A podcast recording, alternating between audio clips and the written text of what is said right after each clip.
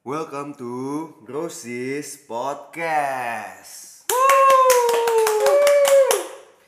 Ya masih gue Dwiki sendiri di sini karena kita nyambung sama episode sebelumnya jadi Sunu masih tetap nggak ada.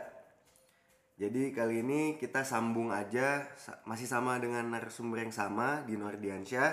Siap. Siap wah ini langsung siap nih. Siap terus. Ya, mantap. Jadi gini no, kan tadi kita udah ngomongin tentang bisnis lo, mindset, terus juga rekan bisnis lo gitu kan. Nah sekarang tadi kalau tadi pertanyaan gue adalah gimana caranya tiga kepala menjadi satu, sekarang pertanyaan gue gini, gimana cara lo membangun kepercayaan sama rekan bisnis lo? Bangun kepercayaan ya. Iya. Kenapa akhirnya kok dari se- seribu, sejuta, puluhan miliar gitu ya? Heeh. Kok orang tiga, bertiga ini nih gitu ya? Ini gitu dan lo kenapa bisa percaya sama tiga orang ini? Eh dua orang ini berarti. Iya, ya? iya, iya. Sebenarnya pertanyaan yang menarik dan agak susah dijawab juga nih.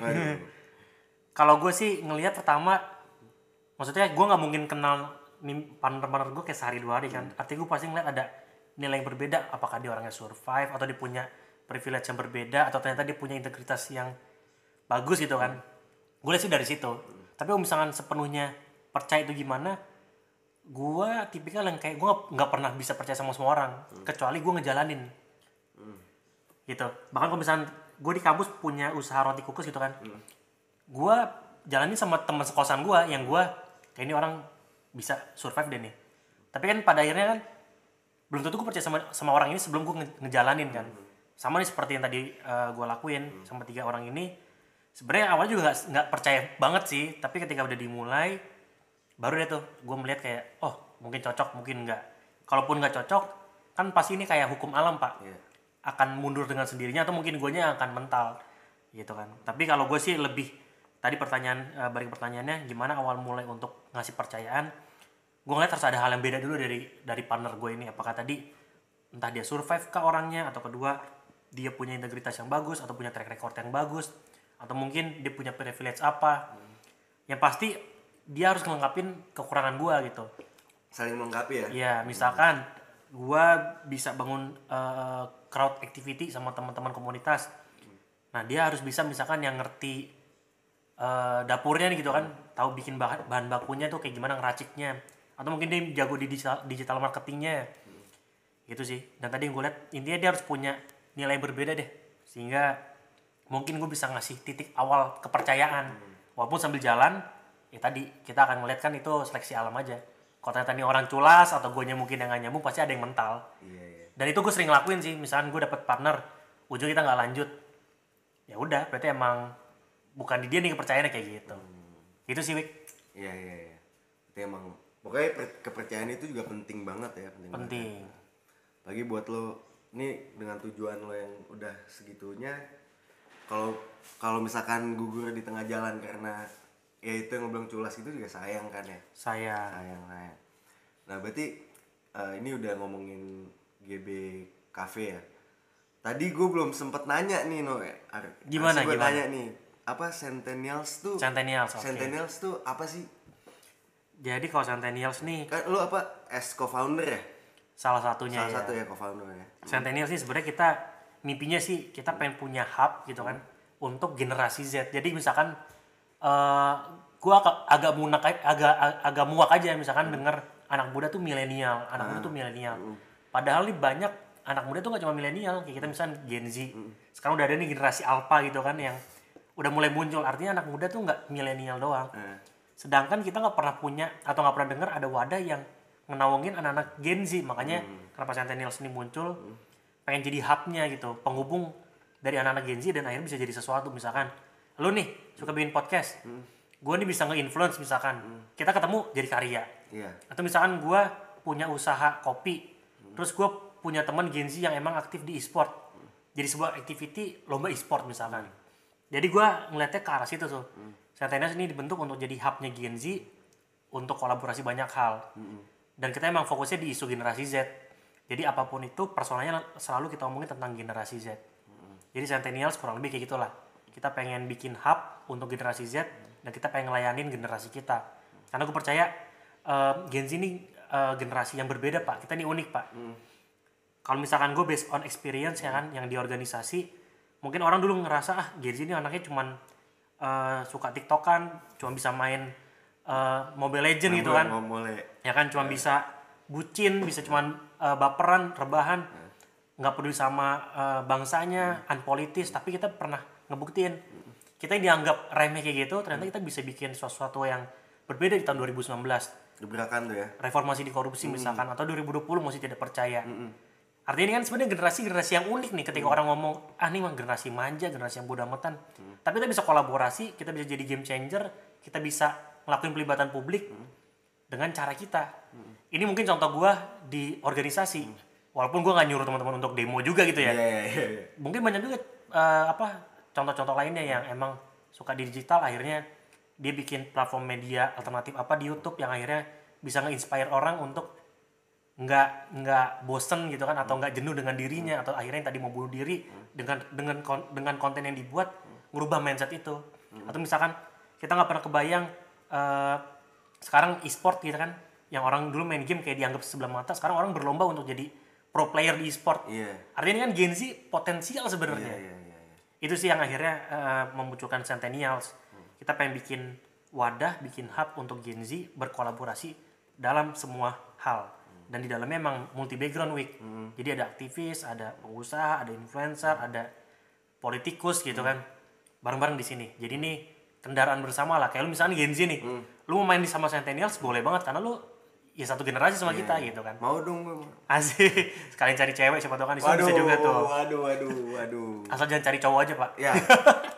Kalau cewek nyari cowok nggak apa-apa. bener kalau cowok nyari cowok jangan Nah, jangan, jangan, jangan, jangan bahaya, bahaya. kayak gitu Centennials Berarti kalau secara dasarnya kalau lu dari dari sudut pandang lo lo menilai Gen Z, Gen apa? Z. Gen Z itu seperti apa dan lo ingin ingin outputnya nanti itu lu pengennya Gen Z itu kayak gimana? Gue sih melihat Gen Z ini generasi yang potensial tapi kalau kita nggak berinvestasi dari sekarang ini jadi generasi yang bisa jadi beban negara pak. Mm-mm. karena kita tahu bonus demografi sering banget diomongin kan. Artinya orang yang punya usia produktif di Indonesia ini akan jauh lebih banyak secara demografi dibandingin yang non produktif bahkan 2030 sampai 2035 itu hampir 60% lebih pak. Artinya hampir eh, ya hampir dua per tiganya nih itu anak-anak yang muda anak-anak yang produktif usianya. Nah gue ngeliat kalau misalnya kita nggak dari sekarang nyiapin generasi kita jangan sampai bonus demografi malah jadi bencana demografi. Ya kan? Dan gue ingat juga kalau kata Bung Karno kan beri gue 10 pemuda gue akan guncangkan dunia. Iya. ini kita punya berapa juta pemuda? Kita harusnya nih udah bisa lebih daripada guncangin dunia pak. Iya, iya. ya nggak sih? Nah, bener-bener. jadi gue melihatnya Gen Z itu generasi yang potensial banget. Tapi kalau kita nggak nyiapin dari sekarang bisa jadi beban negara. Paling simpel tadi banyak pengangguran. Paling simpel tadi banyak anak muda yang nggak punya skills gitu kan. Atau paling simpel lagi banyak anak muda yang nggak punya mimpi mindset lagi. Bingung mau ngapain. bingung mau ngapain ini gue gede ah ngapain ya? Tapi kan kalau kayak lu kan udah pasti punya mindset kan oh dalam 20 tahun lagi gue akan jadi apa? Iya, dalam iya. 10 tahun lagi gue akan jadi apa? Jadi gue melihatnya seperti itu sih ini potensial tapi akan sangat sangat akan sangat beresiko misalnya kita nggak nyiapin dari sekarang. Dan gue berharap ketika nanti bonus demografi ya kan apalagi Indonesia udah mau 100 tahun di tahun 2045 Iya. Tokoh-tokohnya kita kita semua gue sih berharap Gen Z ini jadi eh, pengisi-pengisi ruang-ruang tadi sih. Hmm. lu jadi profesional profesional yang hebat. Lu jadi politikus politikus yang amanah. Lu jadi pengusaha pengusaha yang emang punya ngasih dampak buat banyak orang. Lu jadi influencer influencer yang nggak bego gitu kan? Iya, iya, iya. lu mau jadi ga- gamers gamers yang berprestasi. Iya, iya. dan gue berharap itu Gen Z bisa bisa ngisi pos-pos itu. Makanya ini ya kenapa sih kita pengen mulai Centennials?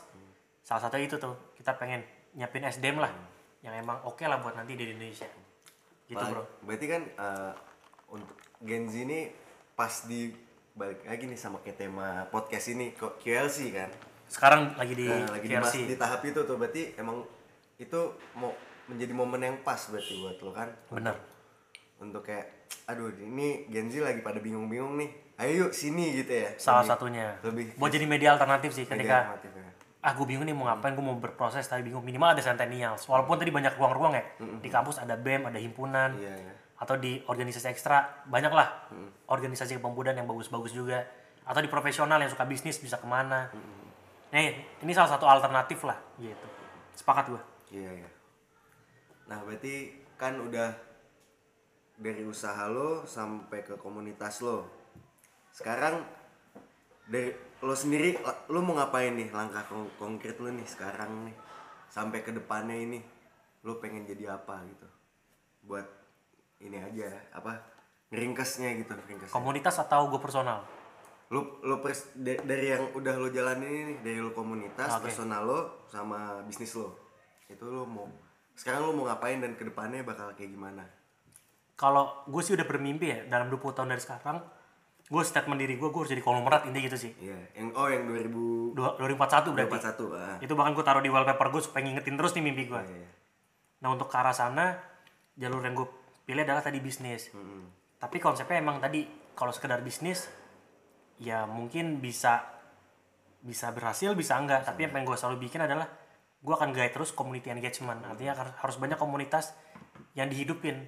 Karena dengan banyak komunitas itu akan hidupin activity bisnis apa pun. Dan bahkan bisa jadi sebuah jaringan distribusi. Sekarang mungkin jualan kopi sama jualan booster. Tapi bukan bukan nggak bukan mungkin. booster itu ya bukan booster. Vaksin bukan, vaksin ya bukan ya, bukan bukan. Booster pertanian lah buat tanaman artinya bisa jadi kan gue menjual ini semua di relasi jaringan distribusi tadi kan. Jadi itu sih yang bakal bakal gue bangun. Jadi eh, komunitas akan terus jalan dengan berharap ini menjadi investasi jangka panjang Hmm. pertemanan ini kan ditambah bisnis harus jalan syukur-syukur dengan jaringan pertemanan tadi Iya. bisa nge-support dan nge-speed up ke bisnis ini dan syukur-syukur di tahun 2041 mimpi gila ini kejadian Iya, iya. jadi konglomerat kan tadi balik lagi gue percaya sih kita akan menjadi apa yang kita pikirkan benar benar jadi mau doain juga nih Iya lah, kita saling mendoakan aja gitu Amin. kan. Kalau lu 2041, gue 2040 lah jadi konglomerat kan. nah jadi konglomerat bareng-bareng kan Bareng-bareng, bareng-bareng. Jadi kan ada apa legacy gitu Benar, kan, benar, legacy. itu sih yang yang sekarang mungkin arahnya ke sana sih berjuangnya walaupun gue nggak tahu sih kayak bakal susah bakal capek dan nggak gampang gitu Iya, iya. tapi ya tadi ikhtiar doa dan sabar lah kuncinya Benar, benar, benar. Nah, sekarang kita pindah segmen nih. No. Gue nih eh gue gue itu dari dulu sama Dino, gue tuh manggil Dino gini. Bosku. Iya. Bibirnya harus melenceng. Mereng harus dikit ya. nih. Bukan boskiunya Mbak Imong ya. Bosku. Bosku. Gitu gitu tuh gue. Kode-kode kalau di kampus tuh dulu tuh. berarti pas kampus agak aneh juga kita ya Agak aneh, agak aneh. Agak aneh. cuma dulu mah keren kayak gitu ya Iya dulu kayak, wih sabi nih gitu. Oh, iya, gitu. Terus sampai kok makin ah gitu makin, Makin parah. Makin parah, makin parah. Ya sekarang ya kita udah lebih dewasa lah. Benar benar pak Ya tapi nggak boleh hilang juga. tapi gue gitu-gitu pengen nanya kan. nih kan tadi lu nanya ke gue banyak nih quarter life crisis Hmm. lu ngerasa itu gak sih Wik? soalnya gue liat lu ceria-ceria aja nih di tadi nih Waduh. apa ternyata Eh, sama juga seperti kita nih lagi ngerasain quarter life crisis waduh kalau gue sebenarnya gue gue ngalamin quarter life crisis. Gue gue mengakui itu. Kalau misalkan lu bilang gue kelihatannya bahagia, ya gue pengen gue pengen memberikan good vibes gitu loh. Kalau gue gue sering ngomong nih kayak misalnya ke teman-teman gue kayak you know the vibes gitu-gitu. Oke. Maksudnya gue nggak pengen gue nggak pengen membuat lingkungan gue menjadi nggak enak karena ada gue gitu loh. Tapi ada juga satu waktu di saat gue pengen cerita atau gue lagi lagi nggak enak gitu ya, gue ada waktu untuk kayak seperti itu gitu. Dan gue memikirkan quarter life crisis ya. Gue gue gue masih gue banyak gue gue tuh banyak pilihan gitu loh iya dan gue masih belum masih belum bisa into ke satu. Fokus gitu ya? belum bisa fokus gitu loh.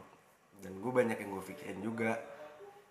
Apa pun karir percintaan gitu Iya, gitu tuh gue masih memikirkan hal itu. Dan ya tapi gue pengen ya gue bahagia tuh stimulus buat gue gitu loh. Iya, iya. biar kayak udah gue pengen tetap seneng aja gitu. Masa lo harus sedih gitu gitu jadi sama aja ya kita lagi ada di quarter life lagi crisis ada nih. di quarter life crisis. Dan gue juga kan gue juga gue juga bukan pengusaha sih ya. Ya gue gue bekerja di suatu perusahaan di mana itu perusahaan keluarga gitu.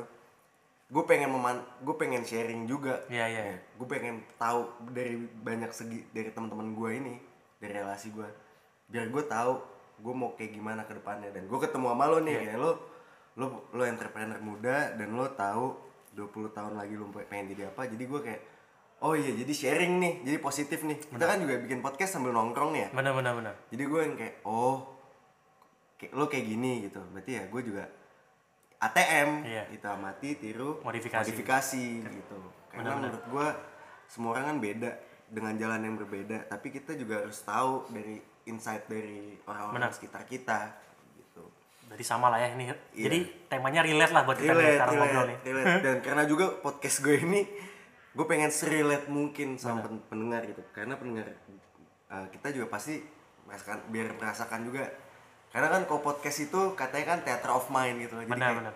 pas kita lagi ngobrol kita kita ngobrol ini kita take diupload terus orang pada denger kayak iya gue kayak gitu lagi gue kayak gitu lagi oh jadi harus kayak gini ya itu tujuan gue Gak, jadi bukan gue doang yang belajar tapi para pendengar juga Semuanya ya. belajar di kaum kaum Gen Z ini gitu. Jadi kita harus berjuang lah ya. Berjuang harus Berjuang. berjuang, jangan ngerebah tapi mungkin aja ngerebah itu bisa menghasilkan uang gitu kan Bener. tapi ya bener-bener di mana apa ya harus tahu juga Bener. harus potensinya gimana kalau pengen ngerebah doang gitu kan nah Nino sekarang gue ada sesi nih ini sesi yang baru gue keluarin pas sama lo Wih, apa tuh? jadi jawab cepat asik Keren. keren jadi Jawab cepat gimana Iya. gimana? Cluenya itu lo harus ya, pilih salah satu mana yang lebih penting dan lo yang lo pilih harus lo jelasin kenapanya. Contohin dong, contoh, satu contoh misalkan apa nih? Contohnya apa ya? Pertanyaannya bebas lu coba. Apa contohnya? Nih gue gue kasih ini. Centennials atau GB. Oh misalnya kayak gitu. Misalkan kayak Misal gitu lo jawab. jawab, misalkan GB. Kenapa? GB? Kenapa Oh, oke gitu, oke oke. gitu misalkan. Jadi gak ada benar gak ada salah kan jawabannya ya? nggak ada yang salah. Ya Oke. itu versi lo. Gitu. lo. Atau kayak siap. misalnya gini, Barca atau Madrid gitu. Ah. Nah, kalau lo kan haha Madrid kan. Paham. ya bener sih. lagi haha nih, Lagi haha sekarang nih, lagi haha nih. Oke, oke, oke, Kita mulai nih ya. Ini tentang bisnis. Siap. SDM atau modal? SDM sih. SDM kenapa? Gue percaya kalau SDM-nya bagus gitu ya, Eh? itu akan akan ngebuka pemodal-pemodal untuk datang sih gitu. Hmm, hmm. Tapi misalkan modal ada, ya tapi lu nggak punya SDM yang bagus akan habis-habis juga pak. Juga. Tapi dulunya per- perlu sih, Perlu, lu SDM perlu. bagus tapi nggak ada modal juga nothing sih ya. Nothing. Tapi, Tapi gue lebih milih SDM, sih. Oke. Ini kalau peluang bisnis. Buat sekarang nih ya. Digital atau konvensional? Digital sih. Digital. Kenapa? Gue percaya kita nih Gen Z khususnya ya, ini dapat privilege yang gokil pak. Digital native nih kita hidup berdampingan sama teknologi dari kita lahir pak. Hmm. Dan gue rasa banyak yang tadinya irasional jadi rasional. Misalkan kayak dulu kita kan nggak pernah mikirin belanja online pak, pasti ke toko kan. Iya. atau naik ojek sekarang pakai aplikasi. Dulu kan nggak pernah. Tapi itu kan lebih efisien. Jadi Iya. di bisnis pun kayak lebih arahnya emang harus ke sana sih. Dengan ada sekarang penjualan online dan lain-lain itu jauh lebih impactful juga. Cuma memang PR-nya kadang untuk transisi ke sana yang full itu nggak gampang sih intinya. dan gue ngejalanin itu juga anjir kayak jualan online kadang laku kadang enggak. Rintangannya pa- tangannya panjang ya. tapi secara potensi digital menurut gua akan sangat dahsyat sih. Sekarang pun udah dahsyat kan tapi ke depan akan jauh lebih dahsyat. Karena kalau gue sejujurnya gue kan ada di bidang kontraktor ya. iya. Dan kontraktor itu sangat menganut yang masih masih sangat konvensional lah. Banget gitu ya. Iya dan menurut ya, menurut gue zaman-zaman kita ini sekarang di umuran gue sedikit di, di, di lingkungan kerja gue bahkan mungkin yang masih umurnya 20-an 30 aja. Jarang hitung jari hitung jari. Karena mereka masih menerapkan konvensional terus yang menerapkan kayak yang penting pengalaman bukan pengalaman pengalaman pengalaman ilmu lama gitu Sekarang padahal udah ada ilmu ilmu Yes, baru yes, yes. terus udah ada digital gitu. Dengan kita yang baru nih kita kayak agak ketahan gitu loh karena kayak ya seni- senioritas di dunia pekerjaan lah. Yang iya. kayak ah so tau lo Iya, gitu. iya. Sepakat sih gua Iya. tapi yang gue selalu yakinin teknologi digital tuh Hmm. Iya. privilege buat Iya. kita sih jadi kalau misalkan nggak kita maksimalin sayang pak mungkin kalau generasi tadi bilang di atas kita atau mungkin bapak kita Iya. konvensional tuh wajar Iya. tapi kita kan lahir sama teknologi iya makanya gue itu harus kita optimalin pak Iya, gue pengen gue pengen ada gue mengam gue pengen tetap ada konven ya gue pengen tetap ada kon, bukan ya abu-abu ya gue pengen tetap menerapkan ilmu yang lama tapi dengan menggunakan nah itu jauh lebih bagus. digital itu yang sepakat gua. itu yang lagi ya itu sebuah gerakan lah di dunia kon- kontraktor gitu-gitu. Bener bener bener. Iya. Siap. Masih Kan- banyak nih masih banyak ya nih masih ada beberapa lagi. Ini sekarang perihal bisnis lagi. Membentuk mindset dulu sebelum bisnis atau langsung coba berbisnis? Langsung ajar gitu maksudnya. Dulu gue mikir langsung ajar tapi dulu. sekarang gue lebih mikir bentuk mindsetnya dulu. Mindset. yang tadi kita bahas ya. Ya karena kalau misalkan udah kebentuk mindsetnya gue yakin kita akan nentuin pertama tujuan akhir di awal. Gue mau jadi pembisnis pembisnisnya kayak gimana? Kedua akan ngebikin skala prioritas. Artinya tadi nggak mungkin lu palu gada kan apa yang apa yang lu mau ada di gue ada nggak Iya. mungkin kan? Heeh. ketiga lu akan bangun sistem. Keempat lu akan bangun dream team lu dan bangun relasi. Nah ini bisa dilakuin kalau misalkan mindset lu udah kebentuk. Jadi lebih apa ya mungkin lu agak agak lebih lambat lah geraknya. Tapi ketika lu udah jalan eh, lu akan lebih lebih dahsyat gitu. Jadi gue lebih milih untuk bentuk mindset dulu sih. Walaupun nggak salah juga sih misalkan udah hajar aja deh. Ajar aja gitu ya. Siapa tahu momentumnya pas gitu. Eh, eh, tapi kalau gue lebih prefer ke sekarang ya bentuk mindsetnya dulu sih. Gue tadi ngomongin lo bikin tim apa super, super tim ya? Super team. super tim pantes lo suka sama Real Madrid ya Berarti tim lu super apa super Los Galacticos ya keren Keren. gue lagi suka Arsenal juga tapi sih Kenapa suka suka kalah ya?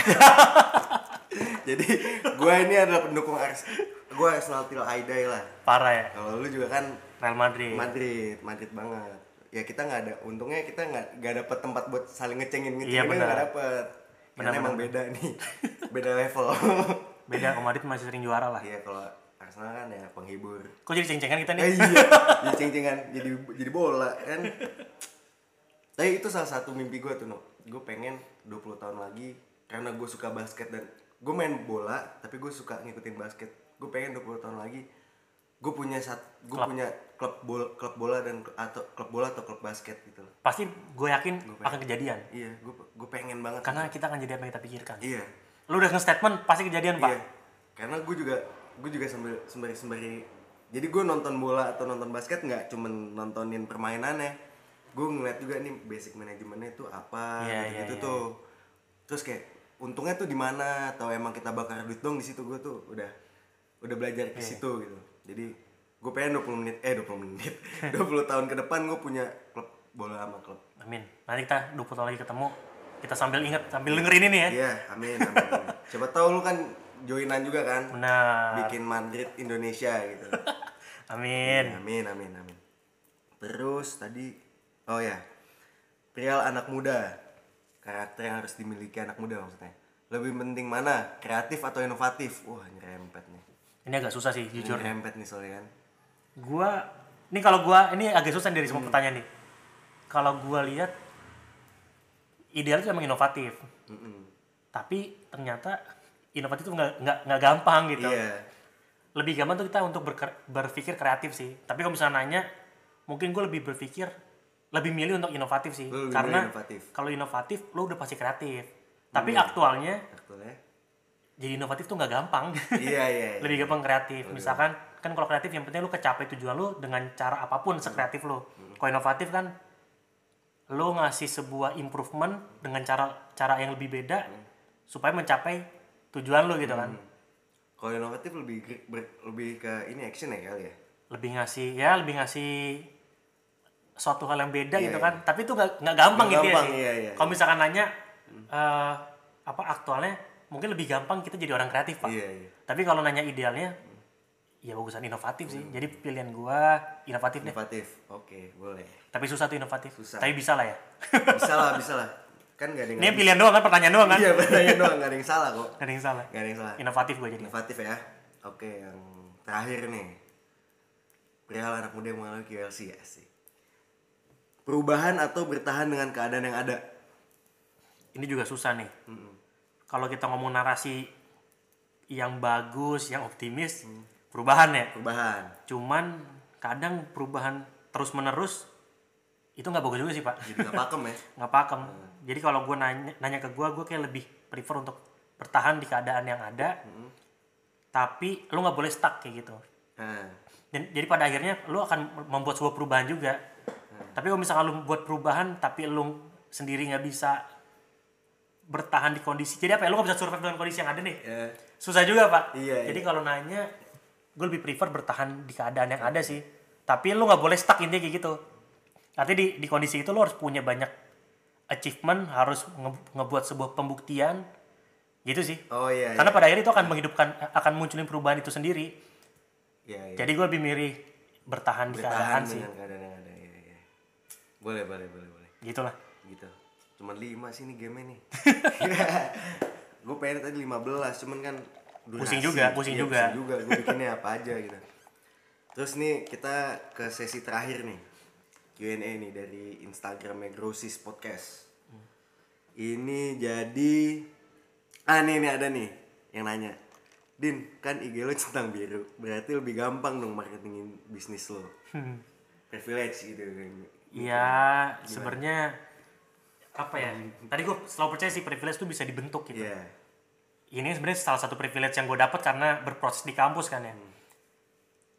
Jadi buat teman-teman yang punya privilege ya jangan putus asa gitu kan. Bisa bisa bisa kok sebenarnya. Kalau tadi balik pertanyaannya lebih gampang ada masanya sih Pak. Mungkin dulu pas zaman-zaman demo gue mau jual apa pun jual itu ya? jual temen juga mungkin gampang kali ya. Cuma kalau sekarang sih nggak ngaruh juga sih, lebih ke produk lu apa sih yang memang ternyata proven, terbukti dan ngasih solusi bisa. Tapi gue percaya sih salah satu cara marketing terbaik adalah dari storytelling to story selling gitu. Hmm, Jadi artinya ketika gue punya modal bahasanya tadi lah eh, bisa nge-influence lah teman-teman yang muda-muda. Gue udah punya modal satu nih, tinggal yang lu jual nih produknya bagus apa enggak. Kalau emang bagus itu akan mempermudah gue. Tapi kalau ternyata produknya nggak jelas gitu kan, ya nggak nggak nggak ngaruh juga gitu. Malah Tapi ini menurut gue akan ngebantu sih. bakal ngebantu ya Tapi jangan sampai lu dependent sama si centang, Centang biru, biru, gini kan jadi iya, wah iya. gua gua mau bisnis kalau emang gue udah centang biru ya nggak bisa gitu juga. Tapi ini ngebantu sebenarnya sih kalau emang lu punya produk yang bagus. soalnya Gitu. banyak banyak juga tuh no yang mikirnya kayak pengen jadi apa pengen jadi influencer gitu tapi influencer apa centang biru. Ya. jadi kerjanya dari apa kalau yang snapgram tuh namanya apa Endorse. endorse gitu gitu banyak tuh yang kayak gitu tuh Selama lu punya nilai mah nggak masalah. Kalau misalkan lu nggak punya value ya susah juga. ya kan kalau misalnya jadi centang biru dari viral gitu misalkan terus viral yang aneh-aneh kan juga ya Walaupun nggak salah juga sih ya. nggak salah juga cuman kan tergantung ya Tergantung lah, sih iya. tergantung sih tergantung Iya, iya. sih nah ini ada yang nanya juga bang Dino dalam berbisnis lebih masuk ke tipe fokus for, for present or future Hmm, berat nih agak berat nih. agak berat nih Gue lebih present or future future kali ya. future ya Heeh. Agak berat sih pertanyaannya. Nah.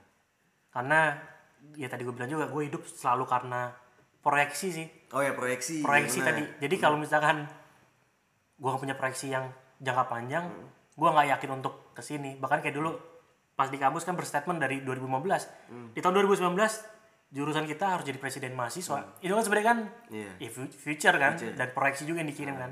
Bisnis pun sama sih. Gue kayak lebih condong ke sana sih. Apalagi kalau future ya lu future lu ntar yang itu 2041 itu kan Salah satunya. salah satu kalau present ya kan gak apa kalau present ya berarti lu cuman takutnya cuma di sekarang doang gitu kan Iya, Lu jadi gue lebih prefer prefer ke arah future lah kayaknya. Susah nih susah pertanyaan. susah susah susah, susah. Takutnya kalau future lu kayak berhayal aja juga kan bisa Oh, juga iya. ya. jadi ngimpi Mimpi mulu. Iya.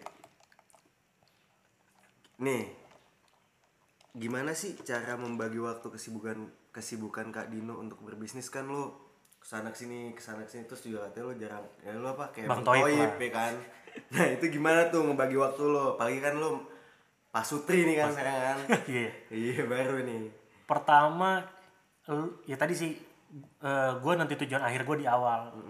Makanya tadi salah satunya kayak gue berstatement di 2041 gue harus jadi apa. Itu udah gue statement kan tuh sebagai tujuan akhir gue.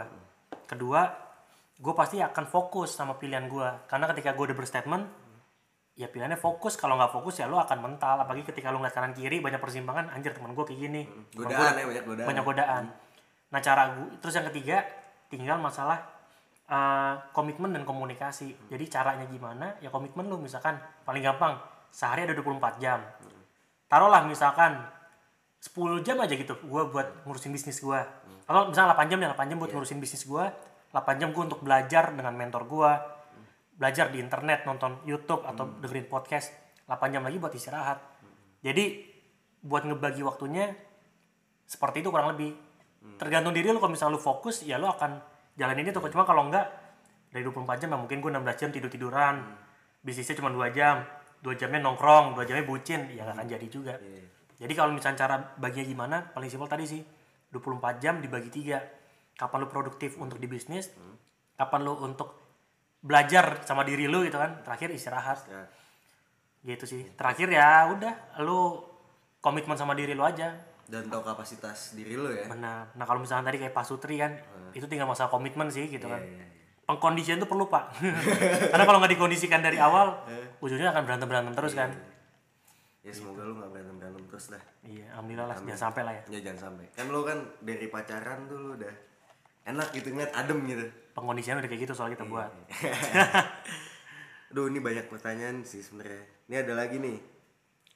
Kak, sekarang eranya berkolaborasi nih. Karakter rekan bisnis seperti apa yang cocok untuk wirausaha wirausahawan muda? hmm iya kolaborasi ya Iya, yang paling cocok karakternya yang cocok gitu.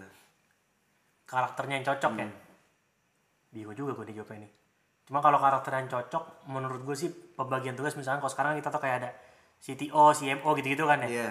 kalau gue sih berpikirnya intinya pembagiannya satu harus ada yang ngerti keuangan gitu kan. Kedua harus ada yang ngerti branding. Ketiga harus ada yang bisa ngelit jadi nakodanya.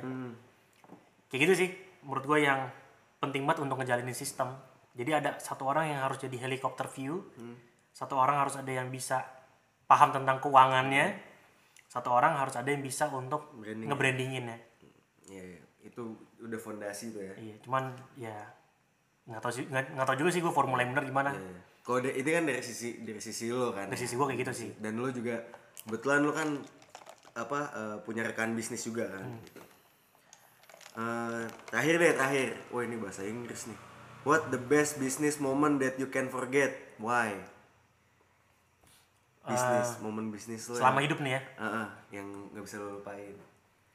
tadi sih roti kukus di kampus nih pak. Berarti lulus di kampus. itu yang mengantarkan gue menjadi presiden mahasiswa karena gue punya modal dari situ. Eh, kedua yang hidupin gue selama lu. ngejabat diamanahin. Ketiga gue nge-entertain teman-teman yang datang ke daerah pakai uang itu. Keempat itu jadi pondasi awal gue untuk akhirnya meyakinkan oh gue ke bisnis nih. Lo belajar awal lo di belajar gue itu sih awal yang benar-benar bisnis bisnis beneran ya gitu ya Apa nama dulu nama Rukus apa? roti kukus Sirusa 2044 2044. Waduh ada 2044. ada statement ya di ta- Iya. tahun itu tuh kan minimal udah punya seribu titik lah Iya. 2041 2041 jadi Konglo, 2044 ya itulah.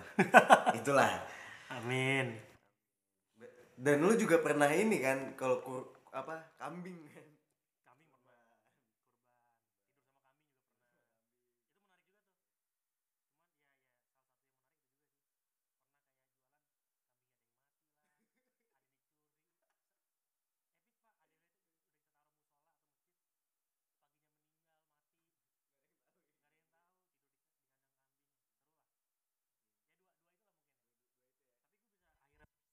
Dan kami karena mulainya kan karena roti kukus dulu Oh, jadi gue iya. ngerasa wah kayak gue punya jiwa entrepreneur nih kan tahunya jualan kambing wah kios juga pak Yes, yes.